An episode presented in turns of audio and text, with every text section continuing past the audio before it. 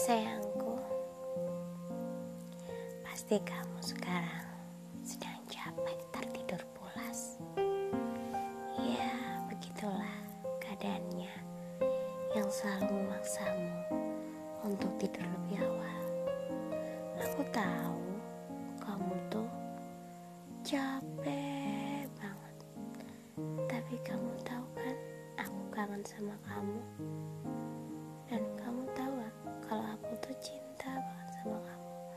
Sayang.